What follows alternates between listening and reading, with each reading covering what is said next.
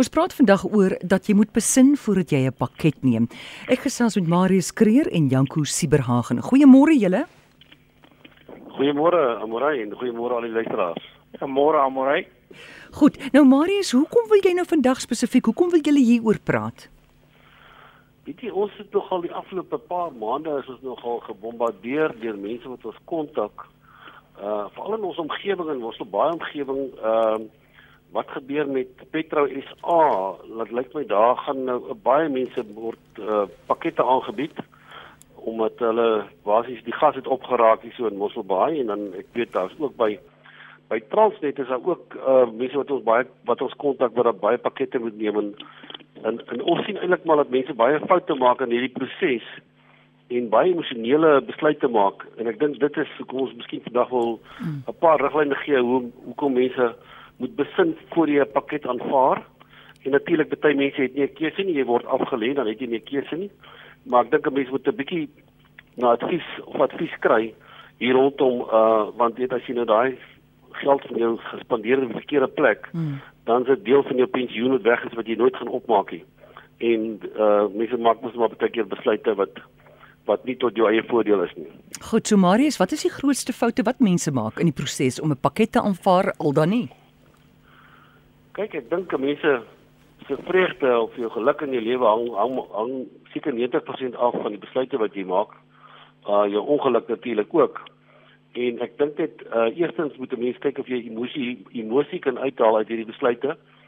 Die foute wat mense baie meestal maak is hulle neem 'n besluit uh voordat hulle met voordat hulle hulle huiswerk gedoen het, hulle neem 'n emosionele besluit. Kom ek sê ek word 'n pakket aangebied en ek verdien 30 40000 rand 'n maand. Ewe skielik is hier 'n 5 6 miljoen lompsom wat hier voor my gegooi word as 'n pakket. En ek dink vir myself maar hier ek kan dan baie met hierdie geld doen. Ehm um, en dan neem die persoon 'n pakket en dan kom hulle na ons toe nadat hulle die pakket die besluit klaar gemaak het, hulle klaar geteken vir die pakket en dan kom hulle na ons te sê vir my help my bietjie ek moet nou 'n lewe van hierdie geld en dan kom hy dalk agter as ons die beplanning vir hom doen maar hier is nie genoeg geld om van te lewe nie. So dis een van die probleme. Die ander probleem is dat mense kyk nie daaraan om daai selfde inkomste wat hy nou gehad het te probeer beskerm na die tyd nie. Uh en natuurlik die foute wat mense maak is hulle neem besluite om dan na iets te begin in sy lewe wat hy nog nooit gedoen het. Hy het miskien 'n droom gehad om 'n um, restaurant iewers oop te maak in die Suidkus of om 'n plaasie te koop omdat hy nog altyd hierdie ding in sy kop het van 'n plaas, maar hy het nie genoeg kennis daarvan nie.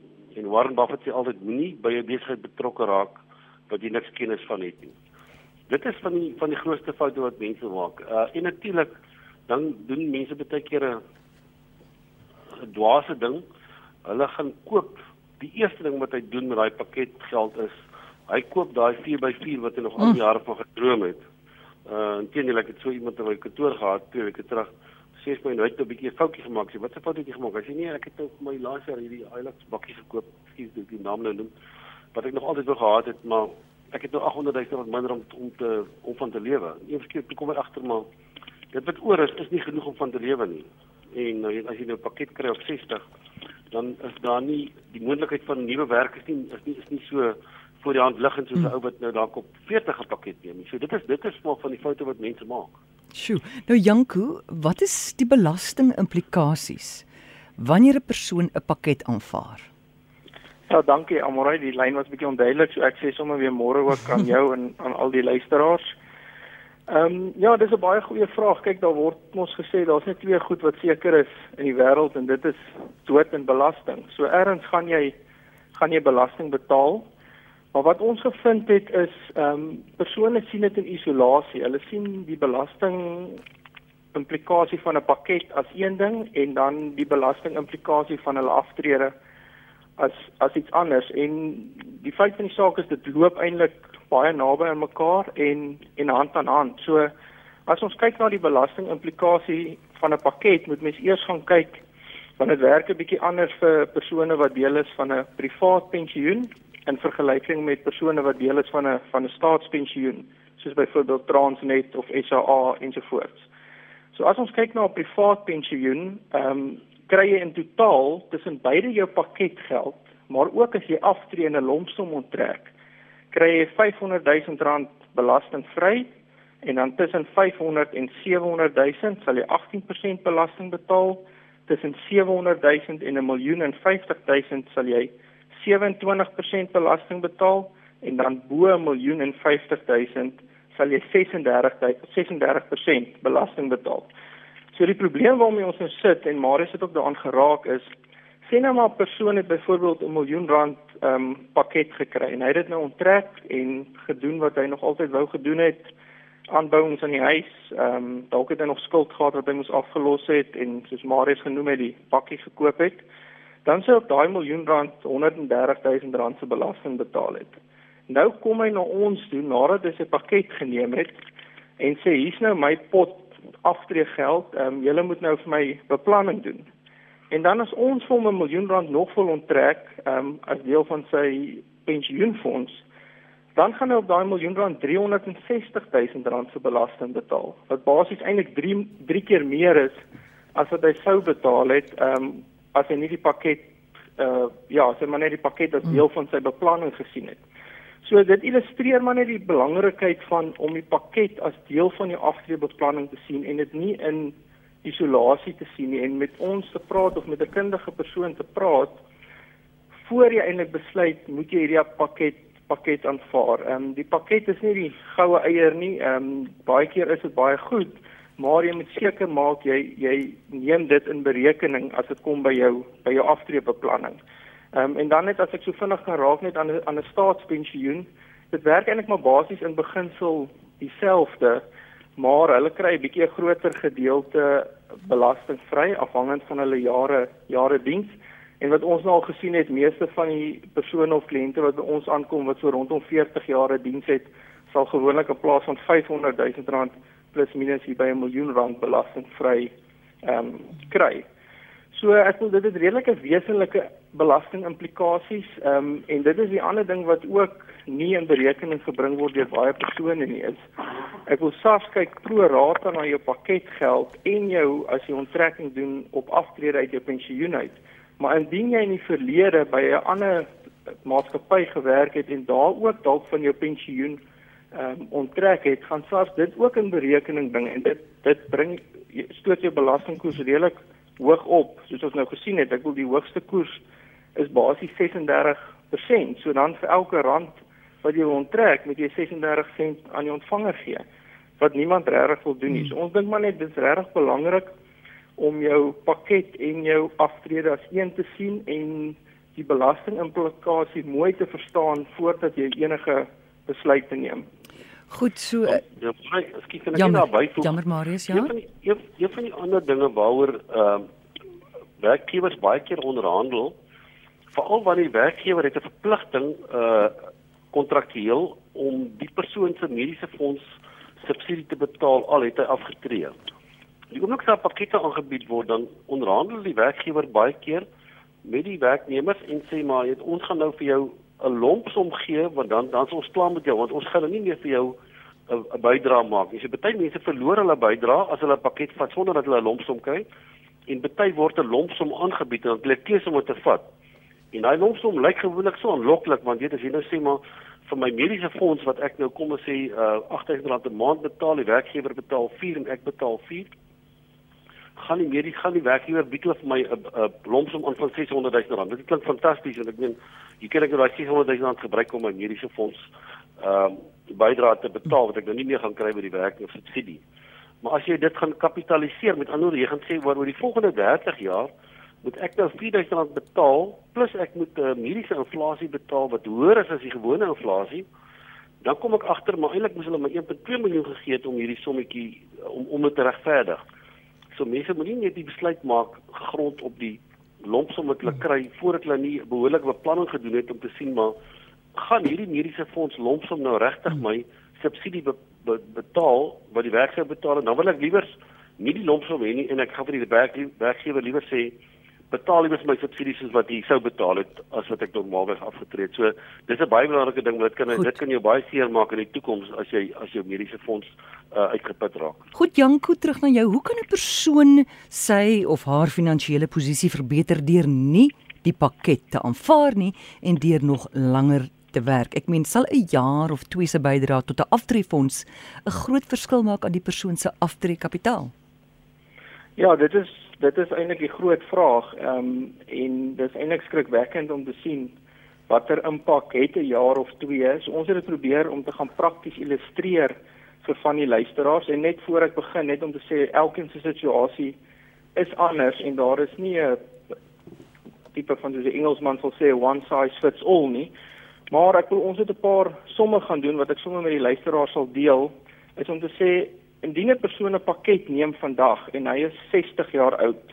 Ehm um, en sien nou maar hy gebruik nou sy geld vir vir ander doeleindes en dan kom hy by ons en sê luister, hier's my oorblywende pensioen. Dit is byvoorbeeld 7 miljoen rand werd en hy benodig 30000 rand per maand na belasting en ons wil daarom vir hom elke jaar 'n verhoging van inflasie gee want soos ons almal weet raak die lewenskoste baie duur.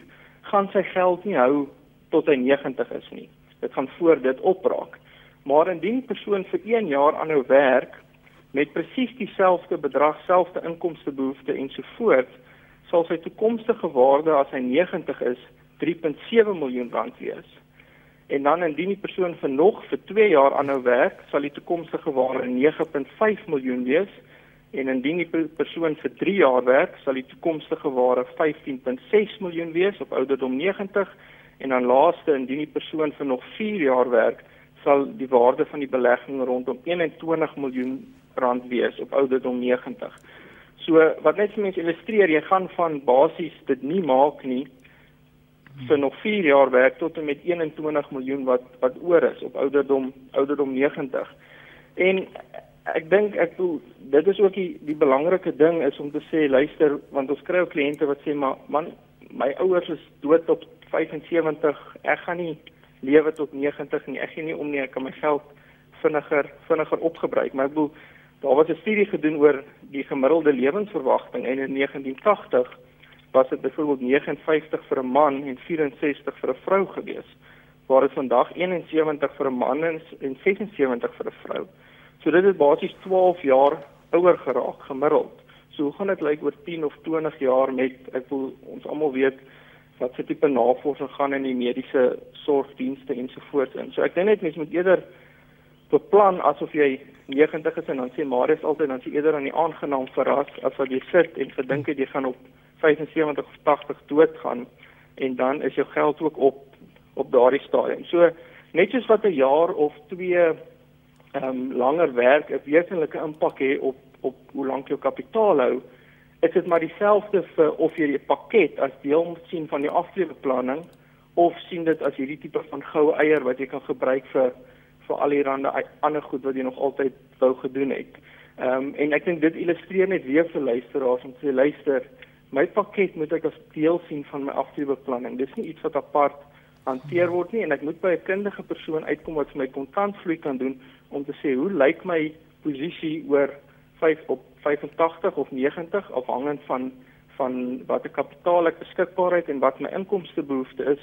En dan sien gaan ek dit maak of nie maak nie. En ek wil as jy dit dan sien maar luister ek is in die moeilikheid hier, dan moet jy weer 'n paar ander planne gaan maak of dalk met die werkgewer gaan praat, kan mens nie dalk op 'n konsultasiebasis ehm um, aanbly nie of 'n ander tipe inkomste vir myself genereer. So ek dink net hierdie illustreer lekker vir die luisteraars om te sê luister, ek wil 2 of 3 jaar verskil maak amper 20 miljoen rand verskil as jy 90 is en dit is 'n wesenlike wesenlike impak.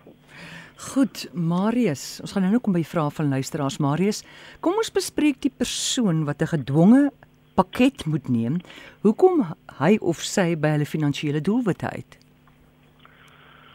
Ja, dis natuurlik die moeilike situasie waar persone uh gedwing word om om 'n pakket te neem omdat die maatskappy miskien toemaak of of of afskaal of uh mense moet basies laat gaan omdat hulle nie meer dieselfde ehm um, wins maak nie of wat ook al wat die rede ook al is.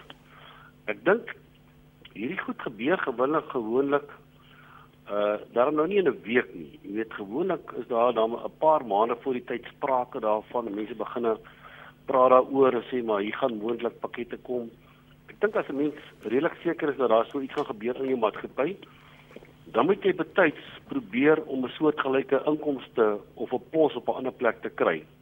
Alles dit net gedeeltelik, alles dit nie heeltemal die, die die volle inkomste wat jy kan kry nie, maar probeer ten alle koste nie 'n situasie wees waar jy eers sonder werk gaan wees omdat jy 'n pakket gekry het en nou begin jy dan werk soek nie. Uh, of jy begin planne maak om jou inkomste te vervang want want die grootste probleem wat wat mense het is hulle begin dan van hulle aftrekkapitaal gebruik. Natuurlik het hulle nie keuse nie. En uh as hulle weer 'n ander werk kry, het hulle 'n klomp van daai kapitaal gebruik wat hulle nooit weer gaan opmaak nie en dit gaan 'n groot impak hê op hulle op hulle pensioenfonds, op pensioen uh bydraes wat hulle wat hulle sou gemaak het en wat die werkgewer gegee het sou gemaak het, so dat baie minder kapitaal by aftrede nie.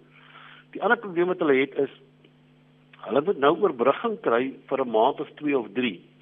So moenie jou kapitaal iewers vasbelê waar jy nie toegang het tot jou kapitaal nie. So as jy dit in 'n bewaringsfonds oorplaas jou pensioengeld, dan mag jy 'n onttrekking maak daaruit. So as jy dan nou 'n maand of 2, 3 nie genoeg inkomste kry voordat jy 'n nuwe werk het nie, kan jy ten minste van daai kapitaal uh gebruik in jou bewaringsfonds. Natuurlik so min as moontlik want as jou pensioen wat jy dan vroeg voortydig begin gebruik. En natuurlik moet 'n mens dan probeer om alle uitgawes te sny waar jy moontlik kan. As jy dan vir 'n paar maande moet wees sonder 'n televisie of 'n paar ander luksiere wat jy nou wat jy nou het, dan moet dit maar so wees. Uh en die groot ding wat 'n mens nie moet doen nie is moenie 'n besigheid begin of laat iemand jou inpraat in 'n besigheid wat jy niks van weet nie. Ehm um, en jy gooi 'n klomp geld daarin. Uh want as jy dit dan verloor, het jy nie genoeg tyd jare oor om reg daai pensioen weer terug te, te te spaar wat jy sou gehad het met jou pakket nie. Ehm um, ek dink mense mense dink baie keer omdat ek kom ons noem dit nou sommer so, ek is 'n ingenieur en ek wil geen ander werk doen as 'n ingenieur nie. Ek dink mense moet anders begin dink hieroor. Miskien maar weet jy ek sal nou vir my gesin moet sorg, al moet ek iets anders doen. Al moet ek iets doen wat dalk nie vir my dieselfde status sal gee as wat ek gehad het toe ek in hierdie pos was nie. Maar ehm um, dan is dit so. Ek dink in Suid-Afrika het iemand nou gesê dit gaan nie meer watter werk ek het nie, dit gaan of ek 'n werk het. Hmm. So dis baie belangrik dat mense regtig ehm um, planne maak om 'n inkomste te kry Uh en as dit 'n deeltydse inkomste is tot tyd terwyl jy weer 'n ander werk kan kry, dan is dit goed. Maar ek dink uh die probleem is wat ons maar net het is dat mense veral as hulle jonk is nie vinnig werk kan kry en gebruik daai kapitaal op wat hulle gespaar het in 'n pensioenfonds om te oorleef en natuurlik uh dan is hulle altyd in die moeilikheid vorentoe om haar geld weer terug te maak. Goed, ek sien hier in die vrae meeste goed. Ag, julle het al meeste van hierdie onderwerpe in die vrae gedek. Net 'n vraag, miskien iemand wat hier uit die heup uitskiet. Marianne sê sy het afgetree en sy doen nou ekstra werk op die internet vir iemand oor see. Sy sê, "Hoe moet sy nou maak? Waar moet sy belasting betaal?" Want as sy ja, kyk, ekskuus, maar jy kan dit as jy jy word op jou as jy Suid-Afrikaner is Suid-Afrikaanse inwoner is, word jy op jou wêreldwye inkomste um, belas. So dit hang af hoeveel die inkomste is wat sy verdien um, en dan ook haar, haar ouderdom want dan kry jy ekstra kortings. So dit sal bepaal of sy belasting moet betaal indien enige dan sal dit volgens die gewone belastingskale ehm um, belas word. So ja, dit is maar die Okay. Die eenvoudige antwoord op daai. Goed, Marius, wil jy dalk iets praat nog oor huidige beleggingsstrategieë en portefeuilles? Ja, ek dink ons kry baie navraag oor veral in hierdie tye waar markte nogal uh, baie uh, onstuimig is en die beurs ons plaaslike beurs uh, het hier van 77 uh, 1000 afgeval na hier by 70000 rond. Uh, buitelandse markte is is hier in die 20% af uh, van die buitelandse maatskappye is 40-50% af. Daar's ongelooflike goeie geleenthede en ek dink dit is 'n baie goeie tyd vir mense om nou ehm uh, indien hulle nou kapitaal het om buitelandse bates en Suid-Afrikaanse bates te koop uh plaaslike aandele en buitelandse aandele. Ek dink daar's geleenthede wat 'n mens jy kry hulle so een keer in 5 jaar. Ek dink dis nou weer sulke tyd. Ehm um, van wat ons eie beleggingsstrategie betref, ons het al laas jaar het ons begin om ons ehm uh, risiko bietjie te verminder in ons in ons portefeuilles en ons het geld geskuif na meer konservatiewe portefeuilles toe wat natuurlik vir ons nou beskerming gebied het toe die mark val en ons kan daai geld is ons, ons is in die proses om te kyk om van daai geld weer terug te sit in die mark om op hierdie laer vlakke weer in te koop. Ek dink ehm um, mense as mense kyk na die oliepryse is heel moontlik vanaand 'n verhoging kry. Ek dink die oliepryse is by 117 dollar. Uh praat gister met iemand wat ons weet maar net weet alles wat ons alles wat ons gebruik in ons huis deesdae kom van oorsee af. Mm. Ons, ons voer alles in. Elke ding wat jy koop is maar meeste is oorsee gemaak, jou petrol, jou motor en alles. En as jy nie buitelandse 'n buitelandse portefeulje het of buitelandse beleggings waar jy dollars of buitelandse valuta besit nie, het jy nie 'n manier om jouself te verskans teen al hierdie verhogings nie. Al wat jy gaan beskerm oor die langtermyn is as jy 'n gedeelte van jou portefeulje in die buiteland het. En ek dink dit met die rand op 15.56 baie vandag rond is, uh en op hierdie vlakke waar die buitelandse aandele besig is, is dit regtig 'n koopgeleentheid vir baie mense. So uh, mense wat hmm. miskien nog wonder of hulle geld moet uitvat buiteland, ek dink is 'n baie goeie tyd om dit nou te doen. Goed, Janko, wat sê jy daaroor? Ja, ek wil sommer net aansluit ehm um, by Marius om net so 'n bietjie teruggegaan na ons proses toe. So as jy nou deur hierdie hele proses is van jy het nou met 'n kundige persoon gepraat, jy het jou pakketgeld, jy het jou aftreegeld gehad en daar's vir jou 'n behoorlike uh, beplanning gedoen.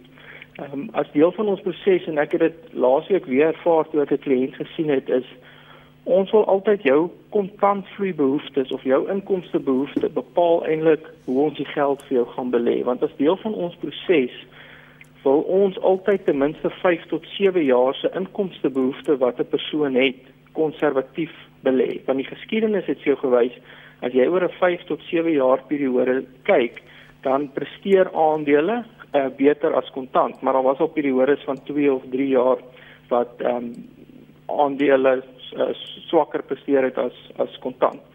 So ek ek dink dit is 'n belangrike ding om te sê as deel van jou strategie moet jy as jy inkomste nodig uit jou uit jou beleggings uit moet jy ten minste 5 tot 7 jaar se inkomstebehoefte konservatief gaan belê in tipe van 'n geldmark en effekte en dan met die ander gedeelte kan jy uh, in groeibates belê wat vir jou aandele blootstelling is plaaslik en in die buiteland want dan weet jy luister ek het hierdie buffer gaan opbou hierdie wisselvalligheid wat ons nou ervaar ek wil sedert Desember tot nou is dit vir meeste luisteraars moeilik om na hulle uh, beleggingsstate te kyk.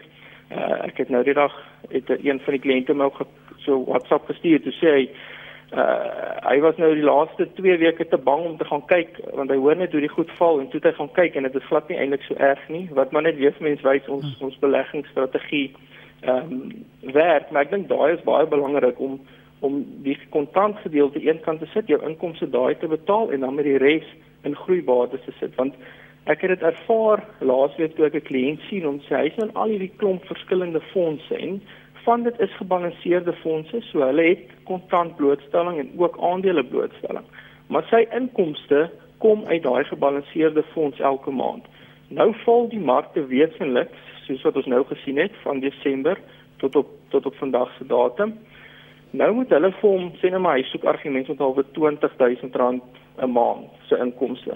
Nou moet hulle vir hom uit daai gebalanseerde fonds R20000 betaal.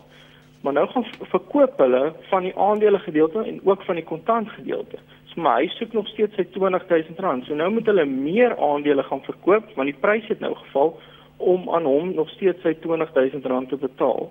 So ek dink dit is 'n baie baie belangrike deel van enige beleggingsstrategie want jy wil nie jou verliese realiseer nie. Ehm um, ek wil as markte val, dit sal weer herstel as jy dit net los, maar as jy in daai posisie is wat jou inkomste uit 'n gebalanseerde fonds of 'n fonds betaal word wat aandele blootstelling het, dan realiseer jy eintlik van die verliese. Ehm um, waarna mens nooit wil wees nie. So ek dink hierdie hele ding om op te som, mm. dit begin by skryf 'n behoorlike adviseur wat 'n kundige is op die gebied wat die belastingimplikasies verstaan van van al die verskillende faktore ehm um, doen 'n behoorlike kontantvloei en 'n beplanning voordat jy enige besluite maak en dan as jy besluit het luister dis nou dit jou kontantvloei lyk gesond maak seker jou beleggingsstrategie spreek hierdie tipe van risiko aan wat ons nou net genoem het van die kontantgedeelte en en die aandele gedeelte. Goed, so as jy wil belê, kontak nou onmiddellik vir Marius Kreer of Janko Sieberhagen. Hulle is albei by die George kantoor. Marius, waar kan ons jou in die hande kry? Hulle kan vir ons um, op my nasionale nommer skakel 0861 348190. Hulle kan ook vir my 'n e e-pos stuur. E-posadres is marius.kreer@psg.co.za. Goed, Janko. Ja, my nommer, ons is in dieselfde kantoor, so die nommer is dieselfde en dan my e-posadres is janko j a n k o .siberagen by psg.co.za